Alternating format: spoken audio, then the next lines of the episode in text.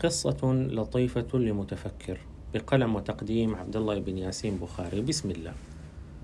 ذهبت للطائف بمفردي قبل أسبوعين لإلقاء دورة واستأجرت في أحد الفنادق فيها.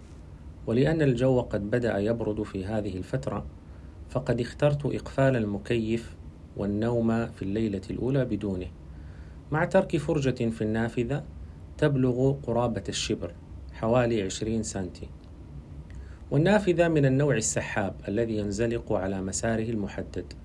هكذا نمت نومة رائقة ولله الحمد. لكني انتبهت بعد استيقاظي أن النافذة كانت مقفلة تماما في اليوم التالي.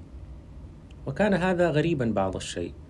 استعرضت الاحتمالات المعتادة من مثل كون الهواء هو المسؤول عن ذلك رغم عدم شعوري بوجود تيارات في تلك الليلة إلى آخره. لكني لم أعر الموضوع كبير اهتمام وعدت أتجهز للدورة. في اليوم الثاني وعند استعدادي للنوم فعلت شيئا مختلفا هذه المرة. لقد فتحت النافذة حتى النهاية أي أن الجانب المفتوح صار أكثر من متر تقريبا لأن النافذة عريضة وبالتالي لن يستطيع الهواء إغلاقها هذه المرة ونمت نومة هانئة في هذه الأجواء الحالمة. وبعد تلك الليلة الساكنة استيقظت في اليوم التالي لأجد النافذة مغلقة بالكامل. الاحتمالات كالتالي واحد جاءتني روح والدي رحمه الله من البرزخ وأغلقت النافذة لاشتداد برودة الجو آخر الليل وأعتقد أن هناك أمورا أخرى في البرزخ أكثر أهمية مني. اثنان جاء ملك من الملائكة وأغلق النافذة لكني لا أعتقد في نفسي هذه الدرجة من الصلاح. ثلاثة جاء جني صالح وأراد الإحسان إلي قياما بحقوق الأخوة بين المسلمين جنهم وإنسهم فله مني كل الشكر والتقدير.